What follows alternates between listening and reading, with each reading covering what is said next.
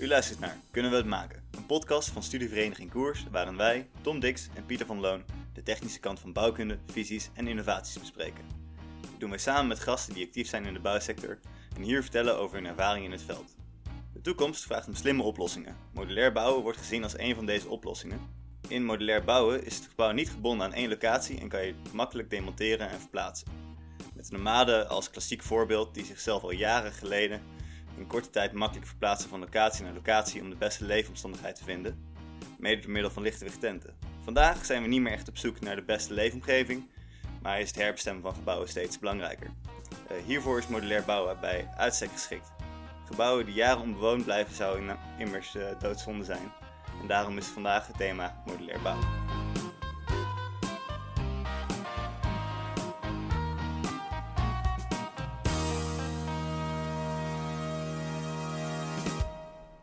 Ja, precies, uh, Pieter. Uh, mooi geïntroduceerd. Uh, wij zitten vandaag alweer, het is alweer onze vierde aflevering. Hè? Het begint bijna als normaal aan te voelen.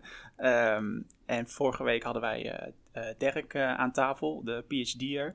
Um, nog even terugblikken voordat we vooruit gaan met aflevering 4. Hoe, wat, uh, wat heb jij uh, overgehouden aan uh, de aflevering met Dirk, Pieter? Nou, ik denk dat er heel veel overlap in gaat zitten. Alleen dat de, de aanpak heel erg anders is met van vandaag. Want Dirk is echt compleet van het parametrisch ontwerp.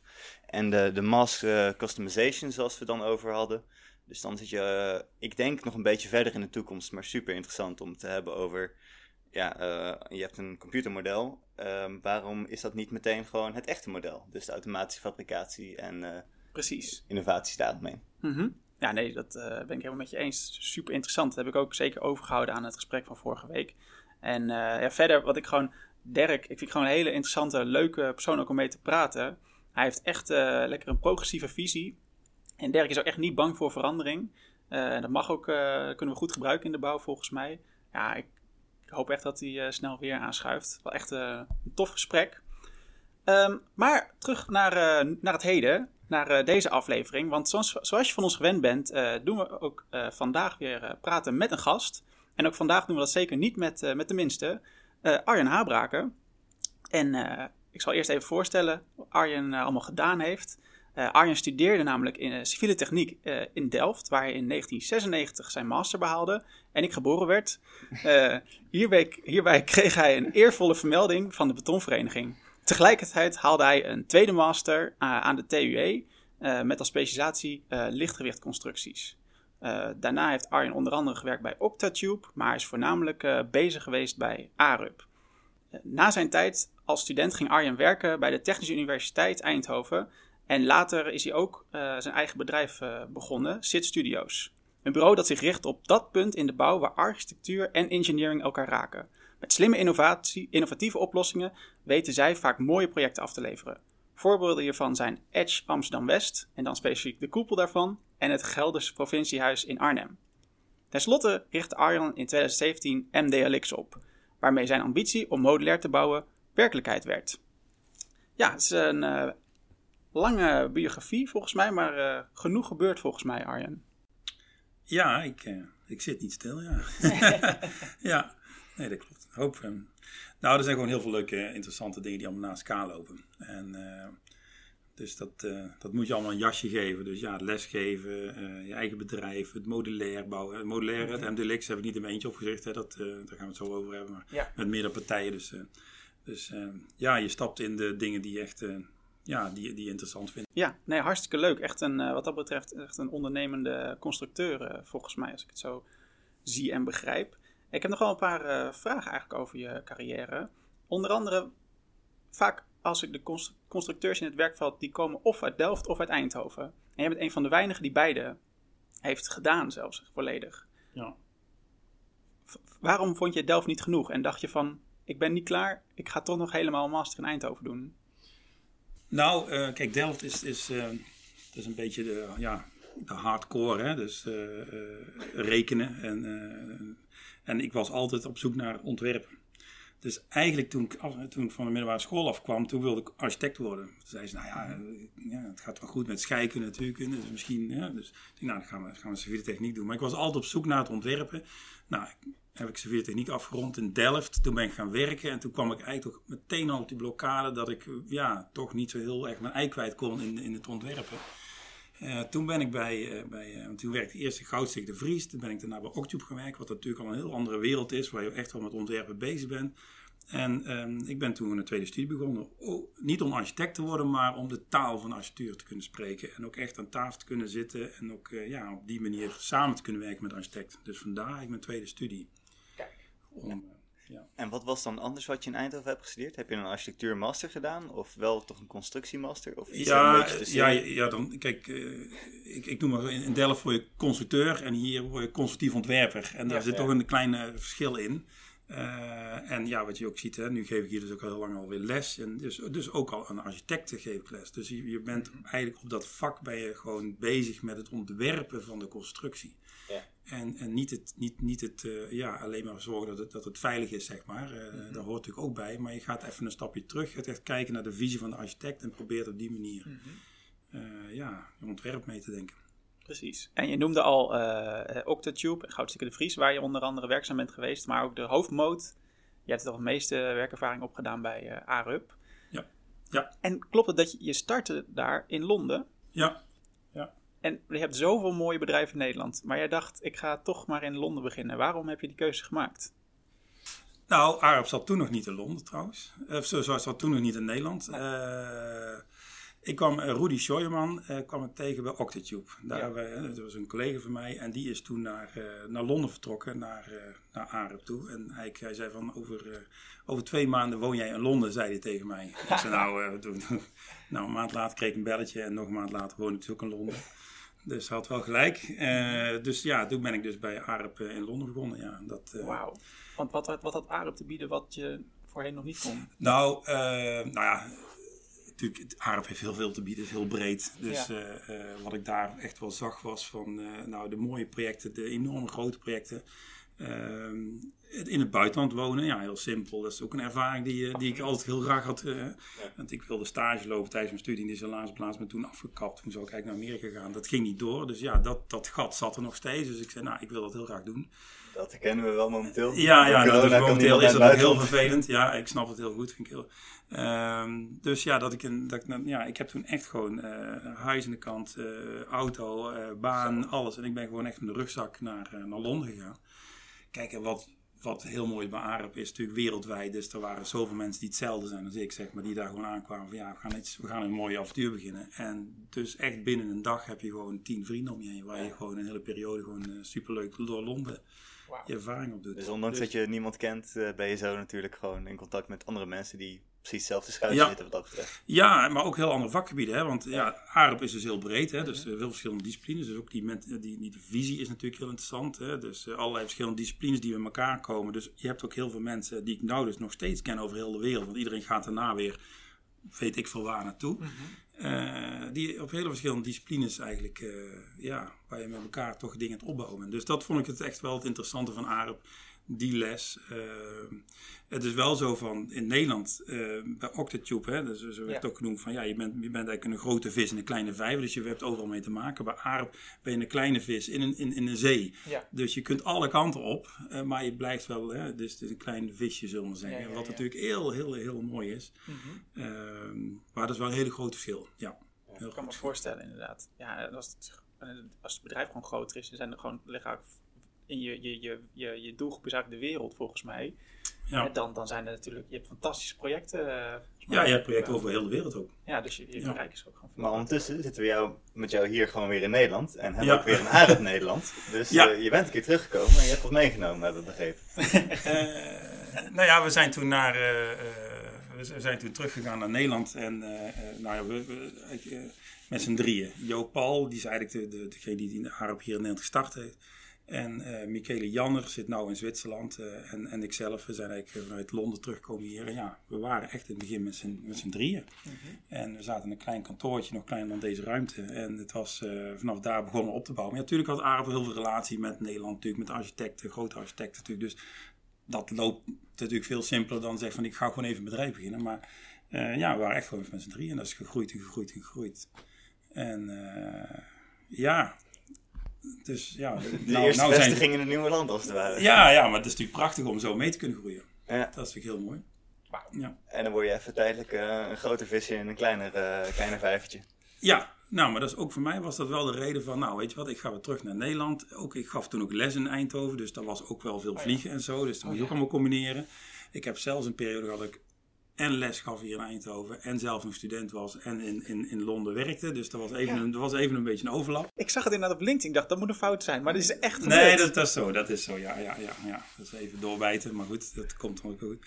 Eh, maar eh, ja, dus toen, eh, toen, toen zijn we gewoon in, hier, in, eh, hier in Nederland weer begonnen met, eh met ARP, ja. En dan even een vraag naar de menselijkheid. Naast Mhm. alle dingen die je altijd doet, heb je nog hobby's? Heb je tijd voor hobby's? Niet bouwgerelateerd. Oei, dat laatste toevoeging. Wij ook niet. Nou, eh, ja, ik heb wel heel veel hobby's. Ik vind het superleuk om, eh, om natuurlijk met mijn vrienden allerlei leuke dingen te gaan doen. Maar ik moet zeggen, ik sport wat minder dan vroeger. Mhm. Eh, want ik vond, ja, dat, dat, dat, dat verwijt krijg ik ook altijd wel. Ja, en mijn grote hobby is schetsen. Dat heeft natuurlijk weer met mijn werk te maken. Maar ik vind het superleuk om gewoon te gaan schetsen tijdens een film kijken. Op het meest spannende moment zit er iets in mijn hoofd. Dan pak ik mijn schetsboek en dan zit ik erin te kijken. Maar lood is het ook. hè.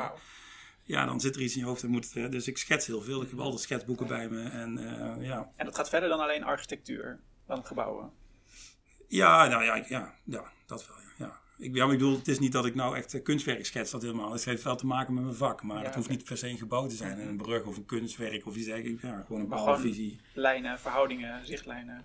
Ideetjes. Ja, ideetjes, ja. ja. Het, eh, kleine details kan het ook zijn, hoe iets op iets anders aansluit. Het, eh, En is het wel eens gebeurd dan echt dat je al bij echt in zo'n klein moment, dat je gewoon dus in zo'n misschien dromerig momentje aan het lekker aan het schetsen was en dat dat eindelijk tot echt tot een constructie is geworden? Of blijft het altijd bij jou? Nee, dat is eigenlijk hetgeen wat altijd naar iets ontwikkelt, ja. Het is vaak dat ik, eh, kijk, het dak van, eh, van Arnhem, Ja. ja, dat is gewoon, dat is Dat is ontstaan terwijl ik gewoon 's morgens vroeg nog een beetje in mijn bed lag zo te dromen. En dan, dat zijn toch de momenten dat bij mij het meeste gebeurt, zeg maar, bovenin. En dan zit ik met een schetsboekje, ligt altijd naast mijn bed. Dan zit ik altijd met je schets en dan komt er een idee uit. En dan, ja, dan ben ik wel een vervelende man daarna. Want daarna ga ik natuurlijk niet loslaten. Dan ga ik naar boven toe, ga ik verder uitwerken. Ja, terwijl precies. mijn gezin denkt van, we gaan vandaag eens leuks beleven. Ja, dat, dat, dat combineert goed hoor. Dat combineert goed. Want maar ik heb gewoon altijd wel. eh, Maar goed, over de hobby's. eh, ja, het is niet zo dat ik nou echt heel veel tijd ernaast heb. Eh, mijn hobby is vooral mijn gezin leuke dingen doen. Vakantie vind ik het meest belangrijke. Dus wij houden enorm van reizen. Dat Ja. gaat nu helaas niet. Eh, toen mijn zoon nog jong was, ging ook eh, naar Zuid-Afrika en Australië. Want ja, daar, daar ken ik ook een mensen van de aardtijd. Dus Ja, dat, is, ja, dat, dat is dat, ook meteen klopt, leuk. dat is ook weer lekker. mhm. Ja, dat vinden we heel fijn. We zijn ook een tijdje, eh, ja, wereldreis noemen we het dan. Maar dat was een maand of vier zijn we toen een keer wezen rondreizen. Ja, dat raad ik iedereen aan. Ja. Dat verbreedt je zicht op de wereld en enorm. En als je zoveel jaar bij Arab hebt gewerkt, dan moet je volgens mij wel langs het eh, Sydney Opera House geweest zijn. Ja, meerdere. Ja, Ja. ja. En eh, ja, interessant. En, maar de, de tijd staat niet stil, want je hebt natuurlijk heel veel meegemaakt. Maar ook dit jaar is er weer iets bijzonders gebeurd. Want je bent betiteld tot constructeur van het jaar. ja. Nog gefeliciteerd trouwens. Dank je. En ehm, ja, hoe, hoe- en volgens mij is dat ook voor ons bijna de. Want wij zijn natuurlijk ook nog relatief jonge studenten, eh, constructeurs in wording natuurlijk. Dat wij ook. eh is liggen van. Oh, er is dus blijkbaar een contest. Je kan dat winnen, die prijs bestaat. Hoe loopt zo'n proces? En hoe word je constructeur van het jaar? Ja, ehm, nou ja, de, de, dus, dus ik ben eigenlijk al eh, een paar keer gevraagd van doe mee. Ik, ik ken het, ja, ken het wel, maar ik bedoel, ja, het is toch een heel groot verschil wat ik ook hoor tussen een constructeur en een architect, zeg maar. Eh, ja, wij zijn wat terughoudender. Hè? Dus, dus we doen niet zo snel mee. We gaan niet zo snel vragen naar, naar een, een titel of iets dergelijks. Dus nee, ik deed er ook nooit aan mee. Eh, ik, had ook nooit, ik heb ook nooit nog steeds het idee van een constructeur van het jaar. Wat is dat nou? Dat kun je op duizend verschillende manieren uitleggen. Dus ik vind Ja. het ook niet van je bent de constructeur van het jaar. Ik vind het heel mooi de titel, ook om met name bepaalde dingen, de, de, de mogelijkheid te hebben om dingen te kunnen vertellen. Maar, maar ehm, ja, je voelt jezelf nooit constructeur van een jaar of zo, de beste constructeur. Dat, is, dat is, heeft er helemaal niks mee te maken, vind ik wel.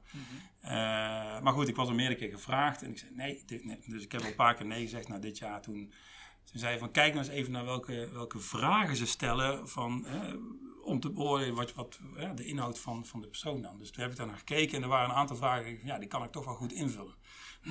dus dat heeft te maken met, ehm, ja, de projecten die ik gedaan heb. Nou ja, mijn ARP en mijn eigen periode natuurlijk in SIT Studio. Dat zijn best wel leuke projecten, denk ik zelf. Dan over de overdracht van, wat doe je met je kennis? Dus de overdracht van kennis. Nou, ja, 19 jaar universiteit, dus dat, waar ik veel over mijn eigen werk vertel. Uh, dan had je nog over duurzaamheid. Nou, uh, het vak rest, hè, Resource Efficient Structural Design, dat we hier allemaal opgezet hebben. En daarnaast het bedrijf MDLX, wat alleen met duurzaamheid te maken heeft. En nog een puntje was over ondernemerschap. Ja, naast de TU heb ik twee bedrijven wat, wat dat allemaal wel lekker loopt. Dus ik denk, ja, ik kan ze toch wel goed beantwoorden, dacht ik toen. Nou, weet je wat, ik, nou, dan ga ik, ga ik toch maar die vragen die ze stellen, ga ik dan maar beantwoorden. En dan, eh, dan dat that's it dan. Hè. Ik vond het ook wel fijn om een keer over te schrijven zelf. Hè, want uh, een keer uh, iets naar jezelf kijken, een keer vastleggen. Net zoals een website van over je eigen projecten dingen vastleggen, is goed. Mhm. Het is gewoon goed om dat te doen. Ik denk van, nou, dan doe ik dat ook maar. Dus dat heb ik toen gedaan, ja. En uiteindelijk is dit uitgekomen. Ja, want geen campagne gevoerd of één campagnevideo opgenomen, zag ik. Nou ja, de, de, oh, hou op. een vlog opnemen. Ja, ja nou ja, dat, dat, ik moest zelf nog even opzoeken, wat is nou precies een vlog? Hoe werkt dat dan? Uh, ja, dat is niet mijn ding. Nee, ik, maar goed, dat, was even gevraagd van dat iedereen even een kort uh, verhaaltje over zichzelf en dat soort dingen. Dus dat heb ik maar gedaan. Mhm. En uh, het leuke is van, ik had het eerst gedaan boven bij, de, bij, bij het koepel, hè, bij, bij, de, bij de Edge. Ja. denk van, nou dat is leuk, doe ik daar een filmpje, dan draai ik er naar om en dan zien ze de koepel. Maar oh, ja, ja zo'n filmpje duurt, wat is het, anderhalf, twee minuten. Ja, er komen zoveel mensen voorbij. Hey, ja, dit is, dat werkt helemaal niet. Dus elke keer, en dan sta ik mijn helm op en ik moet zo'n zo'n zo'n fel jasje aan. Dus het zag er niet uit. Dus uiteindelijk heb ik het helemaal niet meer gedaan. En toen, uh, toen ben ik gewoon, mijn vriendin en mijn zoon zijn we gewoon uh, even naar het park gegaan. En mijn zoontje van acht, die heeft het opgenomen. Dus je ziet ook altijd een beetje lage stand van onder gefilmd. die vond het oh, heel leuk. Dus ik zei, ja, weet je wat, we, we gaan het even wat... Uh, wat minder gespannen opnemen doen. Geweldig. Maar het is eigenlijk dus helemaal zonder campagne of van werving van stem op mij eh, ben je dus wel geworden? Ja, maar er zit er helemaal niet. Het is gewoon een, een, het is een jury, er is helemaal geen campagne oh, het daarnaast. Is helemaal, het is ook helemaal geen... Het is helemaal eh, niet van je mag stemmen of zo. Gelukkig, nee, want anders oh, nee, moet ik allemaal mensen gaan vragen. Nee, dat ga ik nee, niet precies. doen. Nee, dat nee, dan had ik ook zeker niet gewonnen, want de anderen die zijn, die zijn wat sneller en makkelijker daarin. Ja. En toen uh, Evelien, die zei nog wel van ja, maar jij kent toch alle studenten hier, die kunnen je allemaal helpen. Ik zei ja, oké, dat had misschien nog wel kunnen helpen. Ja. maar gelukkig zat daar er niet bij. Ah, mooi. Uh, ik denk dat we ondertussen even een, eh, een bruggetje gaan maken richting, uh, richting het hoofdonderwerp. En dat doen we altijd in de vorm van een vragenvuur. Dus je krijgt ja. meteen een vijftal vragen. volgens mij zijn het allemaal dilemma's, het een of het ander. Oké, ik moet kiezen. Je moet kiezen. Wie? En ja. bijvoorbeeld snel. En dan gaan we daarna gaan we wel een beetje ontleden van wat heb je nou gezegd en waarom? En, uh, kan ik er nog terugdraaien? Dan kan je het even nog een beetje nuanceren. maar om mee te beginnen, de eerste vraag. Um, als je zou moeten kiezen, de rest van je leven alleen nog maar universiteit of alleen nog maar bedrijfsleven? Wow. ja, ja. komen we nog op terug. Oh, uh, oh mijn god. Ja, ik denk dat het een en het andere in elkaar ontzettend versterkt. Dus ik vind, ik vind dat wel een hele moeilijke keuze. Maar als zou ik nu moeten kiezen, Ah, jezus man. Dat is iets tussen je moeder en je vader kiezen. Ja, dat is geen keuze. ja, ja. misschien, zou ik dan nu voor de universiteit kiezen, omdat ik op dit moment enorm idee heb van de universiteit waar ik heen wil. Oké, dus, uh, dat is een antwoord. Ja, Super. Dat, Dan gaan we, er, gaan we daar later op terug. Um, leer je het meest door vooruit te kijken of terug te kijken? Uh, ja, vooruit kijken. Oké. Oh ja, kort. kort. Heel goed. Dus, uh, oh ja, de volgende. Modulair bouwen is per definitie beter bouwen. Beter bouwen, ja. Oké. En de levensduur van een modulair gebouw is hoger dan die van een niet-modulair gebouw? Ja. Oké. En modulair bouwen is dé oplossing voor het woningprobleem? Mede. Kijk. Mede. Mag dat ook? Weer niet. Ja, ja doen het er maar, hè? Super. Daar zullen we dan maar meteen even het grote pijnpunt uh, even mee beginnen. Mm -hmm. Want je werkt al best wel een lange tijd voor de universiteit. Ja. Uh, en dus ook altijd bedrijfjes ernaast of werken ernaast. Ja. Hoe is die balans voor jouzelf? En waarom is het zo'n ontzettend moeilijke vraag? Nou, het is ontzettend... Kijk, uh, op de universiteit ben je heel creatief met, met studenten bezig, wat ik enorm van geniet. En, uh, en het bedrijfsleven is een hele andere wereld. Een hele andere manier van werken. Maar die twee dingen, ja, heel simpel. Onbewust ook vaak, maar soms ook echt heel bewust gaan die twee dingen elkaar over. Dus ja, ik was, ik, ik, ik was uh, met, met dingen bezig met studenten en ik ben daarna bezig met een ander met een project van mijn eigen bedrijf. En dan ga ik toch links leggen van hé, hey, maar dat is interessant. Dus ja, we zijn nog met, met weven bezig hier eh, op de universiteit, gewoon met studenten. En dan denk ik van, hé, maar wacht eens even, dat zou misschien best een heel leuk idee kunnen zijn voor die prijsvraag waar ik mee bezig ben. Ja. Moet ik er wel heel erg anders in, ingieten, maar toch, je, je wordt ge, ge, ja, het beïnvloedt elkaar, het inspireert een stroom van inspiratie bij Ja, en de andere kant op, vanuit het bedrijf zit ik hier hele verhalen te vertellen van wat er wel en niet goed gegaan is. En vooral ook wat er niet goed gegaan is, dat is heel belangrijk. En misschien ook nog wel even leuk om een beetje meer toe te lichten, uh, want we hadden bijvoorbeeld ook Wim de Groot en Theo Slet over de vloer. Mm. En bij hun is het heel makkelijk om te weten wat zij doen, want zij staan voor hout of beton. Ja. Uh, wat is jouw rol hier binnen de universiteit? Ja, uh, dat is, heeft niet, is niet materiaalgericht. Uh, dus, dus, dus ja, Innovative Structural Design, dat is onze leerstoel, dus ISD. dat is dus niet materiaal, dat is gewoon meer algemeen hoe ga je met constructie en, en, ja, en geometrie om en dat soort zaken. Dus vandaar dat, dat je bij mij niet één materiaal ziet. Nee. Nee. Maar het is dus weer die, die, die interactie tussen vormgeving en constructie waar jij uh, het meest mee bezig gaat. Ja. ja. ja. En het onderzoek daarna. Ja, daar is dus optimalisatie bij. En dus dat is ja, voor de ene keer gebruiken we hout, de andere keer staal en de andere keer beton. Dat, dat, dat wisselt heel erg. En dat is volgens mij tot nu toe weer voor de vierde keer. Uh, het is eigenlijk elke aflevering uh, hetzelfde, de conclusie eigenlijk. Hè? Elke toepassing dient een ander materiaal en er is geen beste antwoord. Het is niet dat alles in beton moet of alles in staal. Nee, nee. En, uh, want pas even als ik bouw met staal kreeg ik de vraag, ja, waarom heb je niet over hout nagedacht? Ja, daar hebben we ook over nagedacht. En je kunt voordelen en nadelen. En ja, uiteindelijk komt er een beslissing uit. En die beslissing heeft soms helemaal niet eens constructief te maken. Het heeft gewoon te maken met uh, de, de, verhuurder, de verhuurder of de opdrachtgever. Of een bepaalde link die je hebt. Of een bepaalde manier van snelheid van de planning. Of, ja. dus, dus er zijn zoveel facetten die eigenlijk uiteindelijk met van alles nog wat te maken hebben. En dat is ook wel het interessante. Hè. Je kunt wel zeggen, ik ben constructeur, dus ik zit alleen maar hierop. Maar dan ben je niet goed bezig. Je, moet echt, mhm. eh, je ziet gewoon dat een goede beslissing op constructief gebied heeft te maken met ja, eigenlijk allerlei disciplines die van buitenaf komen. Ja, het draait elkaar altijd natuurlijk weer. Ja. ja. Een ander puntje die we net vroegen was, uh, leer je het meestal door vooruit kijken of achteruit? Nou, waar jij mee bezighoudt is vaak echt wel iets nieuws volgens mij. Dat heeft de bouw vaak niet eerder gezien. Echt unieke dingen. Dus hè, je kijkt vaak vooruit. Hoe, hoe, hoe ook hoe kom jij dan aan die ideeën? ja, hoe... Nou ja, ja, eh, kijk, ik denk dat het mijn voordeel is, en dat is ook wel hetgeen wat hè, van eh, kiezen tussen bedrijfsleven en, en, en, TU. Ja, nee, want, want, op, alle, ja, op allebei de vlakken ben ik met heel veel dingen bezig. Soms al te veel, dus eigenlijk best wel breed, maar door die breedte zie ik gewoon heel veel verschillende dingen. En ik moet zeggen, kijk, als ik, net, ik heb een groep studenten die met alles bezig zijn elke keer weer kom ik in aanraking met iets vernieuwends. Hè. Dat, is niet allemaal, dat zijn niet mijn ideeën. Dat zijn gewoon dingen die mij inspireren. En daar maak ik weer iets nieuws van. Dus ja, precies. Je moet maar gewoon zien, je bent aan het koken. En ik heb gewoon voor me een enorme grote winkel met allerlei uh, ingrediënten. En ik kan, ik kan alles eruit kiezen, omdat ik gewoon die ingrediënten eigenlijk allemaal voor me zie. Ja, en dus omdat ik zo breed bezig ben met allerlei dingen, uh, heb ik gewoon ook heel veel ingrediënten die ik samen kan stellen, zeg maar. En we hadden het net ook over uh, de, of de vraag: modulair bouwen is per definitie beter bouwen. Toen zei je ja. Maar dan misschien nog eerst uh, een leuke vraag erbij. Um, wat is modulair bouwen? Of wat versta jij onder modulair bouwen? Ja, dat is een goede vraag. Um, kijk, um, er is al een verschil tussen prefab bouwen en modulair bouwen. Mhm. Kijk, want uh, dat, uh, prefab is eigenlijk een heel belangrijk onderdeel van modulair bouwen. Hè. Alleen met modulair bouwen ga je iets verder. Dus met, uh, met modulair bouwen zie ik echt dat je vooraf echt al met elementen helemaal uitgedacht, helemaal ontwikkeld uh, elementen in elkaar aan het zetten bent. Dus eigenlijk het monteren op de bouw uh, van elementen, maar bij die elementen eigenlijk ook weer dus herbruikbaar, aanpasbaar, los te koppelen zijn. Uh, dus ja, we zien het allemaal als Knex of, of Lego ziet heel vaak. Ja, dat, is, dat is logisch, want dat zijn, je bouwt dit en daarna bouw je dat. En, uh, en ik denk dat dat, uh, dat het grote verschil is van de prefab en modulair. Prefab maakt allemaal elementen en modulair stap je erbij van ja, die elementen moet je ook gewoon heel snel elkaar uit elkaar en vervangbaar of uitbreidbaar of herbruikbaar. Dus, dus dat zie ik echt als het, modulaire. Okay. En dat is niet per se beperkt tot gestandardiseerde elementen of uh, bijvoorbeeld ook parametrische elementen, want daar hadden we het dan in de vorige podcast bijvoorbeeld heel veel over.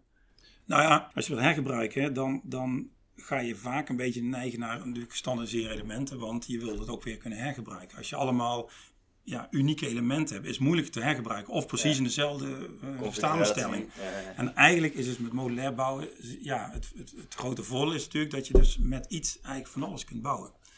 En uh, de, zo, is het MDLX, hè, het bedrijf, zit, ook in elkaar. We, maken, we zijn echt ontzettend lang bezig met het ontwikkelen van één zo'n element. Maar daarna kunnen we ook heel veel mee doen. En dat maakt het ontwikkelen en het ontwerpproces van een modulair, modulaire bouw eigenlijk heel complex ten opzichte van gewoon uh, traditioneel. Maar daarmee heb je eigenlijk ook meteen gebouwen al ontworpen voor, voor 80% die nog helemaal niet weet hoe ze in elkaar moeten zitten. Dus uh, ja, de, de, de, de input is heel anders hoe je, als je met modulair bouwen. Want klassiek in de bouw, uh, ja, we horen het best wel vaak, in ieder geval hier op de universiteit. De bouw is ontzettend gefragmenteerd. En uh, klassiek gezien had je een architect, die maakt een ontwerp. Je had een constructeur, die, die kijkt naar de tekeningen. Die trekt er wat dikke lijnen doorheen en uh, maakt een paar berekeningetjes. En vervolgens heb je nog iemand die kijkt naar installatietechniek. Die uh, zegt, ah, hier moet een buis. En dan zegt de constructeur, hé, hey, maar dat kan niet, want daar zit mijn kolom.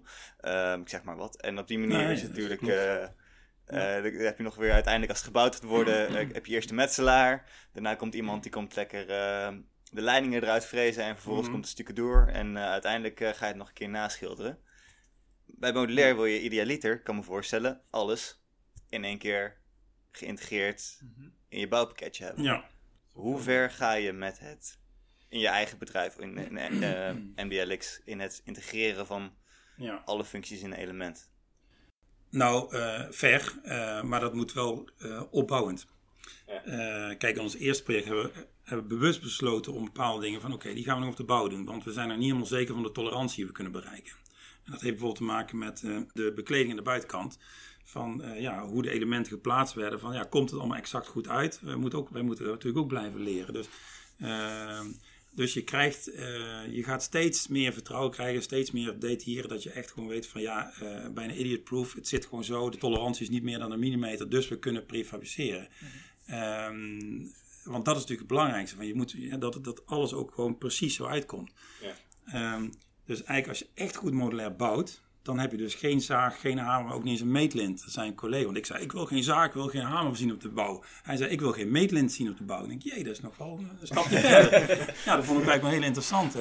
Dat je dus eigenlijk zonder een meetlint, gewoon alles moet gewoon eigenlijk automatisch gewoon op de goede manier passen. Ja.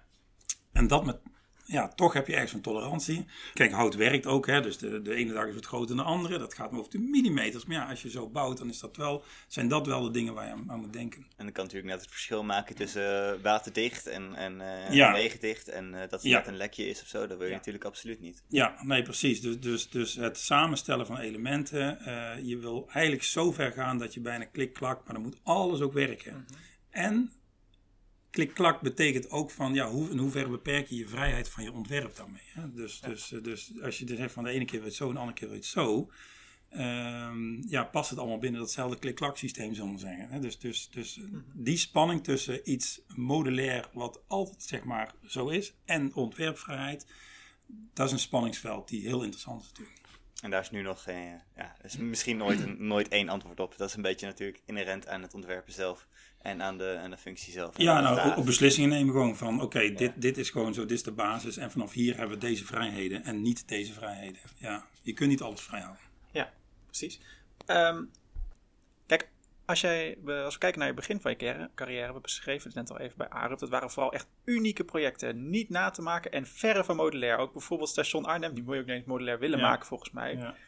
En nu ben je eigenlijk, wat in dat opzicht, even voor nu, even 180 graden gedraaid, waar we nu over, over praten, en modulair bouwen. Hoe heb jij die, uh, tot het besef gekomen dat dat nu echt heel belangrijk is om toch modulair te gaan bouwen? Ja, kijk, ik heb, uh, ik heb Studio natuurlijk en, en, en MDLX. Dus het zijn, kijk, Sit Studio, dat, dat, de bijzondere dingen die, die, die eens één keer gebouwd worden, die, die vind ik nog steeds interessant. Maar je merkt ook gewoon, ja, heel simpel, jongen. Uh, die wereld is gewoon uh, eigenlijk heel gek. Eigenlijk, als ik het eerlijk zeg ben, dan denk ik van, moet ik mij wel een beetje schamen. Dat ik zo lang eigenlijk gewoon met, met dat beeld van, oh, mooie dingen bouwen, mooie dingen bouwen. En eigenlijk niet denken van, wat zo vreemd dat heel de bouwwereld zo anders is. Terwijl andere, hè, de, de auto-industrie, dan noemen we welke industrie ook, allemaal zijn ze bezig met een bepaalde manier van opzetten. En eigenlijk zijn we met de, met de bouw zijn we best met oogkleppen bezig geweest. Van oké, okay, bouwen, bouwen, bouwen. Terwijl het allemaal elementen zijn. Ja. En je ziet dus op een gegeven moment van ook dat, hè, het BIMmen, hè, BIM, BIM-modellen maken. Dan zie je dus van, je wordt gewoon geforceerd eigenlijk gewoon om dat goed te doen. Om dus met elementen te gaan werken. En dan zie je dus van ja, maar als we dat kunnen doen. Dus je ziet het steeds meer ontstaan, ook gewoon puur omdat het ook gewoon een, uh, een bepaalde taal is geworden. En een manier van uh, met elkaar communiceren uit, uit, elementen en de vrijheid die van elementen met elkaar koppelen. Dat, dat, dat ontstaat gewoon door de nieuwe digitalisering eigenlijk een beetje. Um, ja, daarnaast, wat nog veel belangrijker is natuurlijk gewoon helemaal hoe, hoe we met, de, met het milieu omgaan natuurlijk. Hè. Dat, uh, dat weet iedereen. Hè. En dan, dan praten we over CO2, we praten over stikstof, we praten over grond, grondstof, we praten over afval. En al deze dingen, die worden enorm aangepakt door modulair te bouwen. Dus modulair bouwen heeft op al deze dingen enorme uh, impact. En uh, is ook gewoon eigenlijk heel simpel logisch dat is een beetje wat ik denk van ja, god, had ik niet tien jaar geleden kunnen zien dat het al heel erg, of twintig jaar geleden, dat het heel logisch is dat we hier eigenlijk in uh, deze kant op moeten gaan. Oké, interessant. Jij, uh, daar ben ik ook heel benieuwd wat je zegt van oké, modulair bouwen. In principe uh, gestandardiseerd werken. En, in, in, in, in, traditioneel gezien kun je, is een constructeur al bekend zeg maar, met zijn palet aan ja, traditionele opties. Bijvoorbeeld een kanaalplaatvloer, een breedplaatvloer. En er zijn al wat zeg maar, soort van gestandardiseerde soort van gestandardiseerde oplossingen. Ben jij zeg maar um, met MDLX zeg maar echt compleet opnieuw begonnen? Ik heb me echt mijn eigen Lego blokjes, die werken met elkaar. Of heb je ook nog buiten je gekeken en van ik, ik moet ook voor zorgen dat mijn pakket ook compatible is met de huidige standaarden van zoals een kanaalplatform? Ja, eigenlijk allebei. Uh, helemaal in het begin hadden we een visie. En uh, die visie is heel mooi, maar onbetaalbaar. uh, dus, dus nou, onbetaalbaar. Het heeft gewoon een hele duidelijke uh, een, een, markt, maar die is heel klein. We, we zijn dus echt begonnen met een frame wat helemaal momentvast en alles. Dus alleen maar kolommen, balken, momentvast. Mm -hmm. zodat we echt totale vrijheid hadden. We hadden geen kruis, we hadden geen stabiliteitsbanden. Dus dat gaf. Maar goed, hout en momentvaste knopen, dat, dat botst elkaar. Dus ja. we hadden ook echt wel stalen hybride elementen en zo erin. Maar ehm, ja, wat je merkt, het is een prachtig systeem. Mm -hmm. uh, uh, maar financieel, het is gewoon duurder. En dan kijk je naar wat, wat de markt vraagt. Ja, dan heel weinig van het percentage van de markt vraagt dit. Dus heel veel opdrachtgevers, ja, maar voor mij mag dit best wel een wand hoor. Mag ik best dichtmaken, mag ik best gebruiken. Hoeft voor mij niet allemaal die complexe dingen te maken. Dus eigenlijk kwamen we heel vaak tegenaan van ja, we zijn met iets bezig wat heel mooi is, maar wat, waar de vraag eigenlijk vaak niet dus we zijn ook verder gegaan. Dus we hebben eigenlijk nou binnen MDLX ook meerdere systemen in onze bibliotheek zitten. Uh, om gewoon veel beter van, oké, daar wordt dit gevraagd, ik moet daar naartoe, daar wordt dit gevraagd. En met ook heel duidelijk van, eigenlijk moeten die systemen, systemen ook met elkaar geïntegreerd kunnen worden. Dus je maakt jezelf heel erg moeilijk, maar dat is wel hetgeen waar ik de laatste jaren heel erg mee bezig ben geweest. Van een systeem en een ander systeem die elkaar, ja, met elkaar verweven kunnen worden. Uh, dus wij zijn echt begonnen met, uh, ja, even los, helemaal opnieuw. Wat, wat, wat, hoe kunnen we het allemaal doen? Uh, de markt kijken. Tuurlijk kijk je ook naar anderen natuurlijk, wat zij allemaal doen zijn. Waarom vooral, hè? positieve, negatieve dingen. En, uh, want ja, alles wat er gedaan wordt is natuurlijk, is, heeft een reden. Dus het is heel dom om er niet naar te kijken.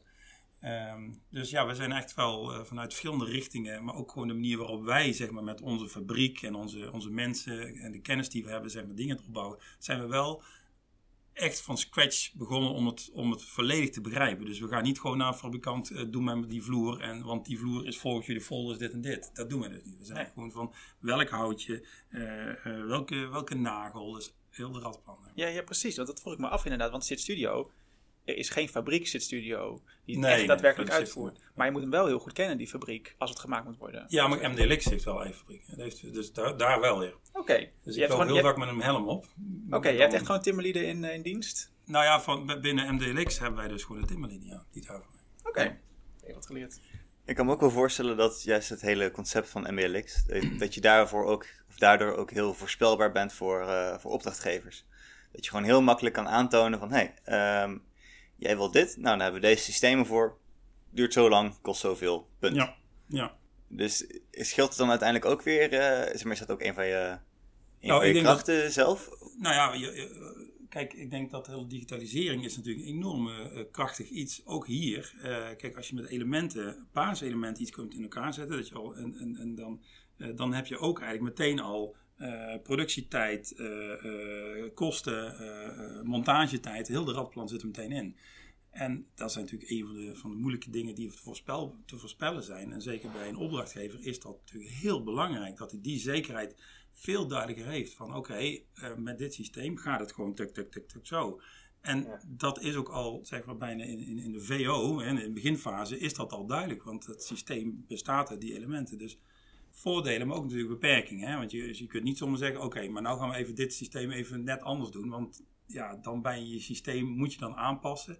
Ja, dan ben je weer eigenlijk uh, soms heel lastige dingen aan het maken. Kleine dingen die veel meer tijd vragen dan gewoon het basissysteem doorzetten. Dus daarom die balans vinden tussen een basissysteem en toch de vrijheid om bepaalde dingen te doen, dat is, dat is, uh, dat is eigenlijk het, het, spanningsveld. Het is niet helemaal alsof je naar de IKEA-catalogus gaat en je zegt... Ik nee, nee, nee, maar dat, nee, uh, absoluut niet. Nee, okay. nee maar daarom een bepaalde uh, gridstructuur, een bepaalde basis, maar gewoon de afwerking, de gevel, dat, dat, daar zit, dat, zit, ja, dat is een enorm palet aan mogelijkheden nog. Maar het geraamte, zeg maar, hè, ja, dat, dat, de basisconstructie, die is altijd... Ja, die, uh, natuurlijk hebben we altijd specials, maar als je echt denkt over modulair bouwen, dan moet je ook voor zorgen van het moet niet 80% specials zijn, want dan ben je niet meer. Nee, dat, dat is niet zo. je moet ja. grotendeels het modulaire en juist hier en daar een special. Die hoop ik dan weer een modulair element gaat worden. Want wij gaan dan weer natuurlijk veel verder uitwerken dat weer in ons bibliotheek komt als een modulair element. Ja, precies. Dat die, Zo willen wij langzaam. Precies, dat het misschien als eerst als special start, maar daadwerkelijk een soort van standaard gaat worden. Ja. Dat zou het mooi zijn. En een van de thema's die ook uh, nu speelt, uh, is, of nou, thema's, is gewoon conceptueel bouwen. Dus je hebt bijvoorbeeld binnen een concept, kun je iets uitwerken, bijvoorbeeld een grondgebonden woningbouw, gestapelde woningbouw. Denk jij ook in concepten, of gewoon, dit zijn vakantiewoningen, in welke concepten zijn uitgedacht bij MDLX? Nou, dat is een goede vraag, want uh, kijk, in het begin dachten wij van, oké, okay, we maken een vloer. En die vloer die moet eigenlijk alles kunnen. Ja. En toen zei ik van jongens, we zitten hier met een factor 20 verschil. En ik zal het even uitleggen. Als wij een vloer maken voor 4 meter voor een woning, ja, of we maken een vloer voor 7,20 meter 20 voor een openbaar gebouw.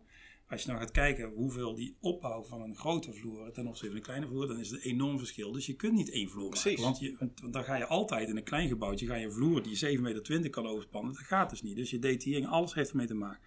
Dus je bent in bepaalde concepten ben je dus wel bezig. Want je moet ergens zeggen van oké, tot hier dit, tot daar dat. Zeg maar, een bepaalde blokken. Mhm. Dus als we nou gaan kijken naar woningbouw, waar natuurlijk ook heel duidelijk ook die, het geluid en, en de trillingen, die zijn er heel belangrijk. Mhm. Dus die vragen ook gewoon heel andere aandacht dan wanneer je gewoon naar een, een ander gebouw gaat kijken. Dus ja, we hebben bij ons bepaalde concepten. Mhm. En die concepten die zeggen van oké, die en die elementen, nog steeds dezelfde elementen, uh, in ieder geval de visie. Ja. soms wat minder hoog, uh, andere de plaatdikte, maar wel dezelfde visie. En een andere afwerking. dus, dus die basis heb je wel concepten. Maar we hebben nog steeds wel een knoop waar alles, al die verschillende concepten op kan. Oké, ja, dus zo moet je het wel uh, mm-hmm. kunnen zien. Een universele, universele knoop. Ja, dat is een. Oké. En ik zit ook al, kijk, in die knoop maak ik dus nu gaten.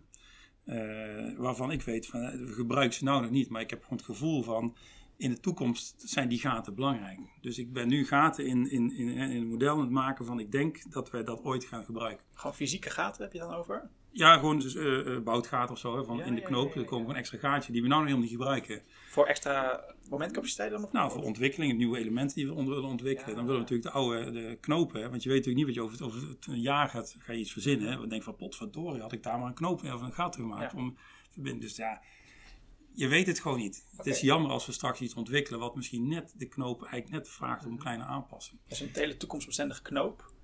Nou, kijk, ik, ik, ik, ik, uh, ik, ik probeer vooruit te denken. Ja, precies. Dat wel, ja. Dat blijft natuurlijk een risico. En je moet natuurlijk mensen overtuigen van iets wat nog niet gebeurt. Van dit, jongens, dat je echt de urgentie moet aankaarten. Dit moeten we nu wel even doen, want later gaan we het nodig hebben. Ja. moet je maar mensen meekrijgen. Ja, kijk, je moet natuurlijk niet zeggen van, hé, hey, het is een enorme investering. Maar ik denk van, eh, kijk, er zit ergens een bepaald punt van, ja, dat, dat gat zit zo centraal en dat hebben we nu niet nodig. Maar toch heeft dat iets van, ja, als je logisch nadenkt, van, dan, dan zal er wel eens een ontwikkeling kunnen komen die daar iets nodig heeft. Dus ja, weet je wat, laten we het maar gewoon inzetten. Hè?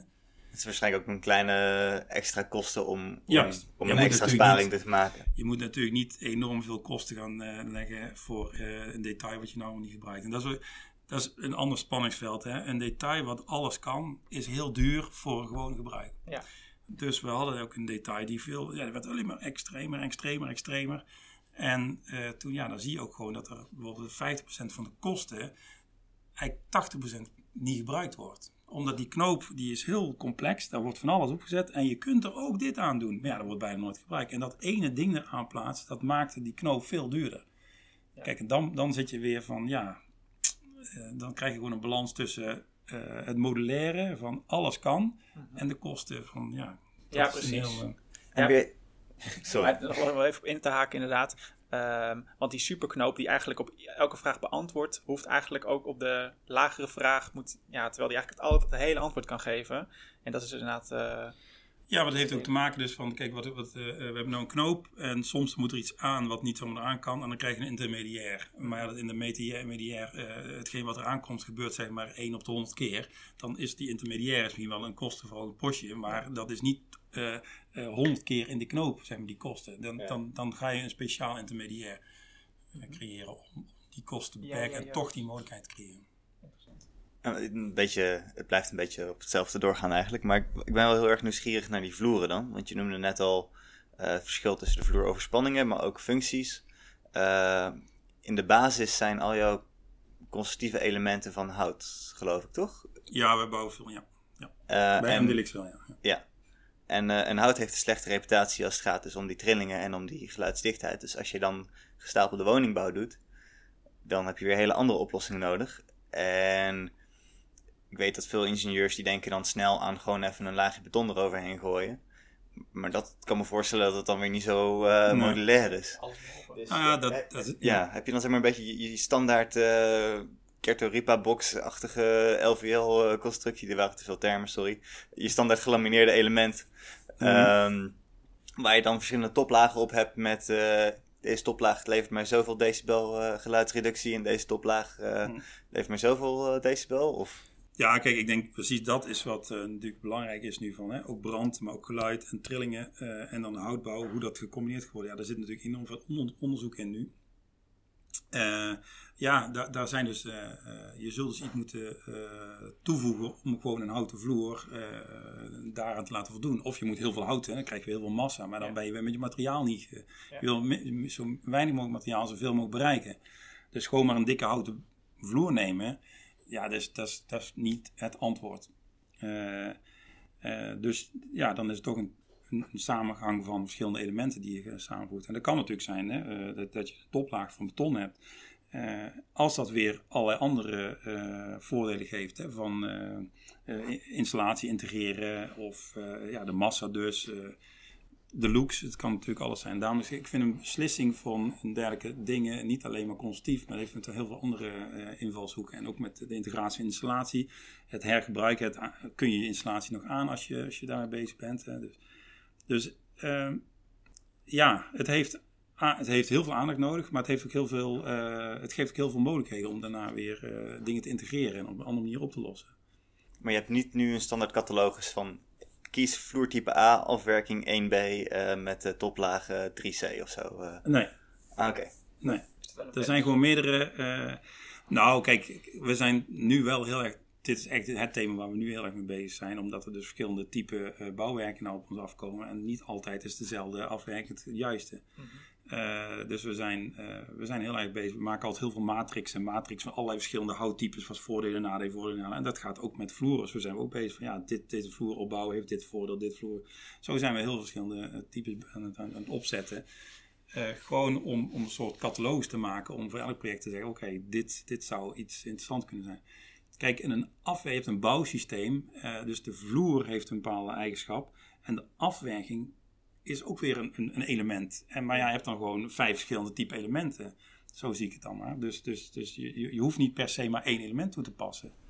De, het gaat erom hoe je dat element toepast, hoe dat bij de functie past. En, eh, en ook met eh, hoe dat in de toekomst zeg maar, zich kan ontwikkelen. Ik bedoel, stort je het en kun je daarna niks meer mee? Of ga je er iets mee doen en kun je nog steeds aanpassen? Ja. Dat soort dingen. Dat zijn allemaal, ja, in je matrix komt dat gewoon plusje en minnetje komen erin. En je gaat per opdracht ga je kijken wat het beste is. Om een of andere reden stelde ik me al eh, vrij snel voor bij het hele concept van MDLX. eh dat je een soort van à la een computerspelletje eh, je mannetje begint te maken, zeg maar. Je kiest, kiest eerst even uit, bij World of Warcraft word, word ik een elf of een mens of een dwerg. Of, en die heeft allemaal weer zijn basis eh, eigenschappen. Ja. En dan kies je de klas uit. Van, nou, wordt het, een, wordt het een vechter of een boogzitter? Of... Ik stelde me eigenlijk een beetje zo voor dat je zo je vloeren bij elkaar knutselt. Maar dat is dus niet...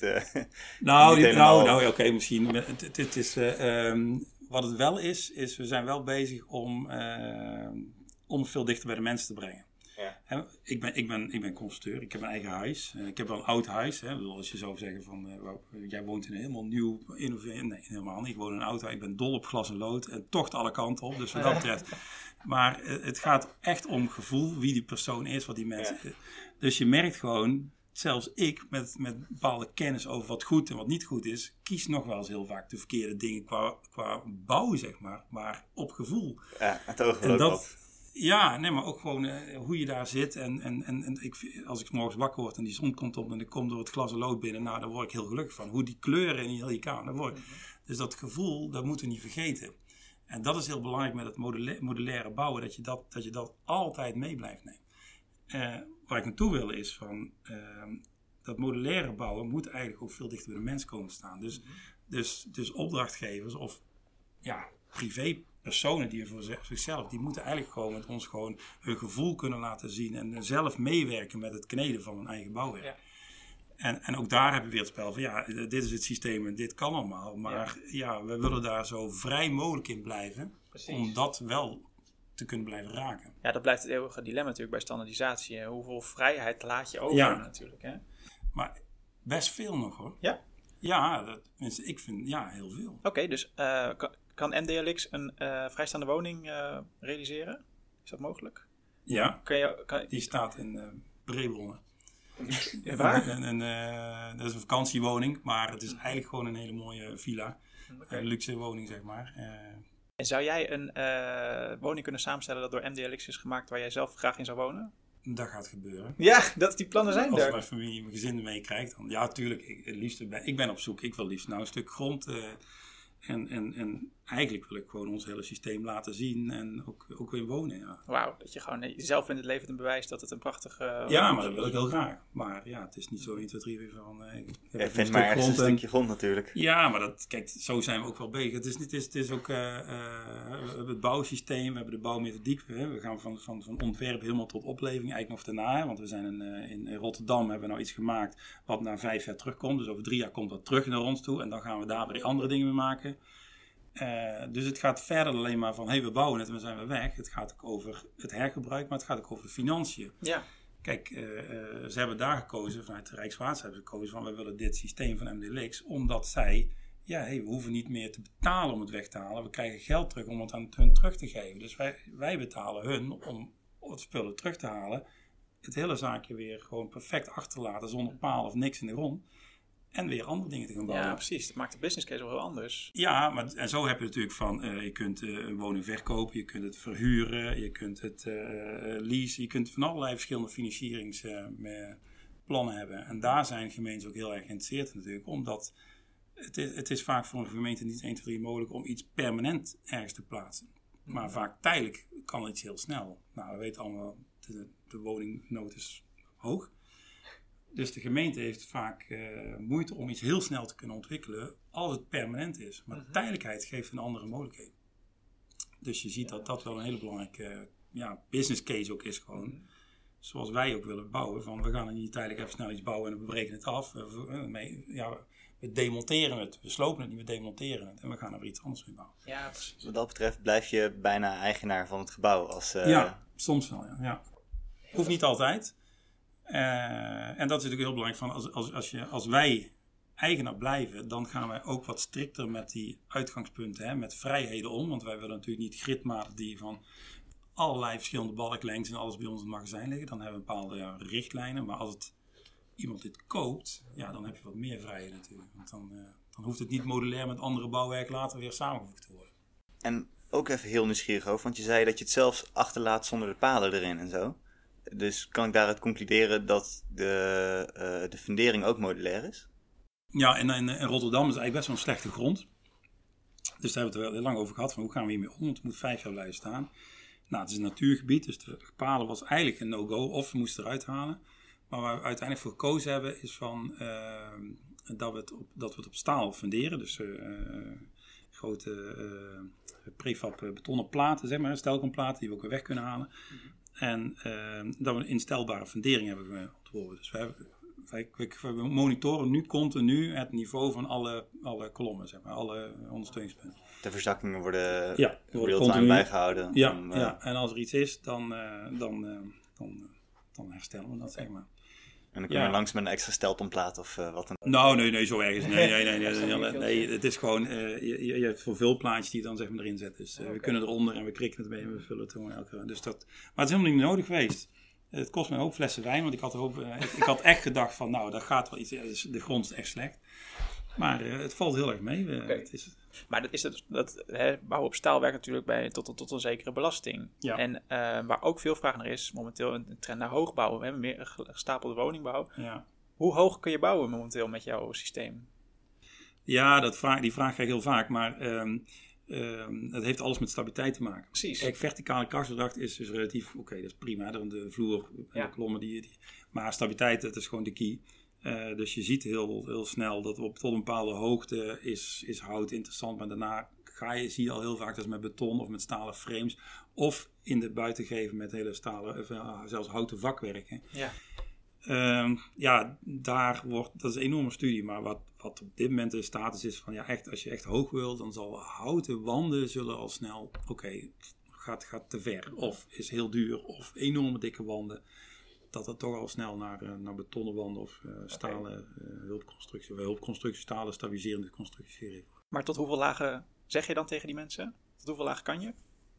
Nou, we zijn nu bezig met vijf lagen. Kijk. Ja, Ja, dat is heel wat Maar in de dat- hout. we, ja, halen ook al we halen stabiliteit uit gevel en het kern. Dus we proberen ja, dingen mee te laten werken. Maar jullie hebben een kern dus wel? Nou ja, dat kan. Een ja. houten kern. Ja. Ja, ja, ja, Ja. ja, precies. Nou ja, we hebben elementen, eh frame, waarbij we weer elementen in kunnen plaatsen die weer als stabilis- stabiliserende wanden kunnen werken. Ja, precies. Dus dat kunnen wanden zijn, maar we kunnen ook daar kruisen in plaatsen. Dus Ja. als detail kunnen we ook iets aanklikken dat we stalen Ah, kruisen kunnen oké, creëren. ja. En is dat dan ook meteen de liftkoker? Of, eh, Eh, dat hoeft niet altijd, nee. nee. Maar ja, dat zijn wel vaak dichte wanden, dus die Ja. eh, worden dan vaak wel gebruikt. Ja, precies. Ja, als je liftkoker toch al nodig hebt, dan eh kun je er even goed maar stabiliteit uit houden, denk ik dan. Ja, ja, maar stabiliteit is wel altijd eh, het, het, eh, het meest complexe. Je zei net al dat eh, eh, de, nou, de, de vraag naar eh, woningen is gigantisch momenteel. de woningnood en zo. Maar ook ontzettend in het lagere segment, hè, dus de sociale huur. Ja. Is, daar ook, is dat ook interessant voor jullie? Nou, heel erg. Ja, kijk, want wat ik net al zei, van, we zijn begonnen met een bepaalde visie. En dat sloot daar niet helemaal op aan. Die kosten waren gewoon te Ja. hoog. Met alles, alles kan al. Ja, dat werkt niet. Dus je moet daar keuze in maken. Ehm, dus ja, het systeem is nu zo ver ontwikkeld. Dat we echt gewoon een hele, ja, een hele goede prijs hebben. Zeg maar van oké, met, met dit, voor dit bedrag kunnen we heel veel, heel veel creëren. En ehm, dan zie je dus ook gewoon dat dat dus heel interessant is voor deze markt. Dat we dus nu eh, ja, echt naar buiten gaan komen met een, een heel doordacht systeem waarbij we eh, snel kunnen bouwen, hoge kwaliteit. Hè, want het is niet van, eh, we zetten een soort caravan of zo. Nee, het is gewoon echt een volledig volwaardig gebouw wat, eh, wat er tijdelijk kan staan. Maar ook gewoon, hè, zoals elk ander gebouw eh, volgens de Eurocodes 50 jaar eh, berekend is, maar nog veel langer. Want wij wilden ook een hergebruik en zo, al zou dat... eh, ehm, maar wel met een bepaald kostenniveau. Ja. Dus we zijn heel erg juist, nou we krijgen heel veel aanvragen over dat, soort, dat soort woningen die, ja, ehm, ja, Competitief in gewoon de sociale huur, dat, ja, dat, dat lukt ja, nu prima. Ja, ja, ja, ja, dat, eh, dat loopt Dat nou is- goed, ja. Dat is mooi. Maar je krijgt Ja. dus heel vaak die vraag en dan zeg je van, eh, ja, komt eraan. Dat, eh, daar kunnen wij... Nee, we zijn nou heel veel gesprekken aan het houden. Oké. Ja. Dus eh, binnenkort eh, meer? ja, dat hoop ik wel. ik denk dat 2021 voor ons een heel mooi jaar gaat worden. Kijk, spannend. Ja, Dan misschien een mooi, eh, mooi bruggetje naar helaas eh, de laatste vraag wat betreft de tijd. Ja. Ehm, wat verwacht je dat er nog in de toekomst meer gaat komen op het gebied van eh, modulair? Ehm, kijk, ik denk dat eh, eh, eh, er zijn nog best wel wat dingen die nog, eh, waar we doorheen moeten. Hè, qua qua de manier van bouwen, de mensen die nou met de bouw bezig zijn. Ja, het, het, wordt, het verandert allemaal. Ook zelfs de overheid, hè, de, de regelgeving. Alles heeft aandacht nodig om het echt goed te kunnen stroomlijnen. Want je ziet nou dat heel mooie ideeën vaak nog onnodig geblokkeerd worden door, eh, door, door bepaalde regelgeving. Of, of eh, eh, dat mensen het gewoon niet kennen. Of gewoon ja, te angstig zijn. En terecht snap ik heel goed, want het heeft gewoon tijd nodig om te ontwikkelen. Dus ik denk dat de ontwikkeling qua materialisatie, qua detaillering, qua mensen die het moeten bouwen, qua regelgeving, dat dat ja, de komende jaren heel veel gaat gebeuren. Ehm, daarin gaat digitalisering en de manier van produceren natuurlijk een hele belangrijke rol in spelen. De digitalisering hè, van eh, we ontwerpen iets. Kijk, ik teken iets. Wat, ik zit rechtstreeks met de staalleverancier te praten. Van eh, oké, zo en zo. Dus ik, ga, ik heb niet meer tien partijen ertussenin. Het gaat rechtstreeks vanuit ons clubje, gaat het meteen naar de staalleverancier. En ik zit met hun over de last te praten. Dus echt elk niveautje en detail, dat alles ook voorbereid is. Dus die digitalisering is er enorm belangrijk in. Dat er niet meer vier schijven voorbij gaan en dan pas een keer iets gemaakt gaat worden. Ehm, maar dat gaat dus ook naar de bouw toe. Hè, dat, uh, zover is het. Zie je het langzaam leuke plaatjes en films ontstaan dat er zo'n robot op de bouw rondloopt. Ja, daar gaat het wel op een gegeven moment natuurlijk steeds meer naartoe. Als we dingen kunnen digitaliseren in de fabriek. Ja, en we weten hoe het in elkaar moeten zetten, dan is het eigenlijk het, verhaal natuurlijk logisch dat we daar ook dingen gaan, gaan steeds meer gaan digitaliseren. Dus uh, ja, dat is natuurlijk een interessante ontwikkeling. En daarom is ook dat we nu hier op de TU bij ons ook steeds meer met robots bezig zijn in dit geval nog veel voor de productie.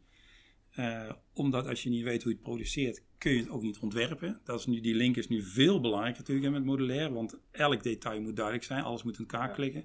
Dus als je niet weet hoe je het maakt, kun je het niet ontwerpen. Voorheen was van oké, we ontwerpen het, we maken het oh, en, dan, en dan, nou, dan doen we een beetje dichtmaken, zullen we zeggen. Dan, dan, hè, dan fixen we het op de bouw wel. Enorm kostbaar iets. Uh, dus die gedachte dat alles zeg maar in, in, op tafel al perfect moet passen, dat betekent gewoon dat je ook op alle vlakken al op tafel moet hebben nagedacht. Ja. Dus productie en bouwmethodiek en zelfs demontage moet allemaal al in de ontwerpfase meegenomen. Dus die ontwikkeling zal uh, doorgaan. Ik hoorde hier uh, uit, uit het lange antwoord hoorde ik uiteindelijk denk ik twee dingen die we het meeste mee moeten nemen dan voor de toekomst. De ene zijde is dus nog die verdere ontwikkeling van de, uh, de verbindingen die perfect moeten kloppen en de korte lijntjes met de, met de fabrikanten. Uh, en anderzijds uh, kwam er een subtiele hint van misschien wel de assemblagerobot op de werkplaats, die ervoor gaat zorgen dat het over hopelijk ergens in niet al te ver weg toekomst, als toch alles modulair is en gebaseerd op dezelfde verbindingen, waarom dan niet die robot erbij op de werkplaats? Nou, ik denk dat die enorm kunnen helpen, ja. Ja, absoluut. Ik vond het, uh, ik vond het een hartstikke leuk gesprek, Arjan. Uh, heel erg bedankt. Ik, uh, ik heb er erg veel van geleerd. Ik hoop je het ja. erg leuk vond om hier te zijn. Ja, nee, superleuk. Ik vind het altijd leuk om over deze soort dingen te praten. Dus ja, dankjewel voor de uitnodiging, Niel. Ja, inderdaad, bedankt. U luistert naar Kunnen we het maken? Gepresenteerd door mij, Tom Dix en Pieter van Loon. Tot slot willen wij de commissie die heeft geholpen deze podcast te maken bedanken. En natuurlijk jij ook bedankt voor het luisteren. Wil je graag reageren op deze aflevering? Dan kan dat door te mailen naar podcast.koerstv.nl of door ons te volgen op Instagram, dat is @koersief. Recensies kun je plaatsen op iTunes. Dit helpt anderen bij het vinden van de podcast en ons bij het verbeteren van de show. Over twee weken zijn we terug met onze volgende aflevering. Voor nu bedankt en tot ziens.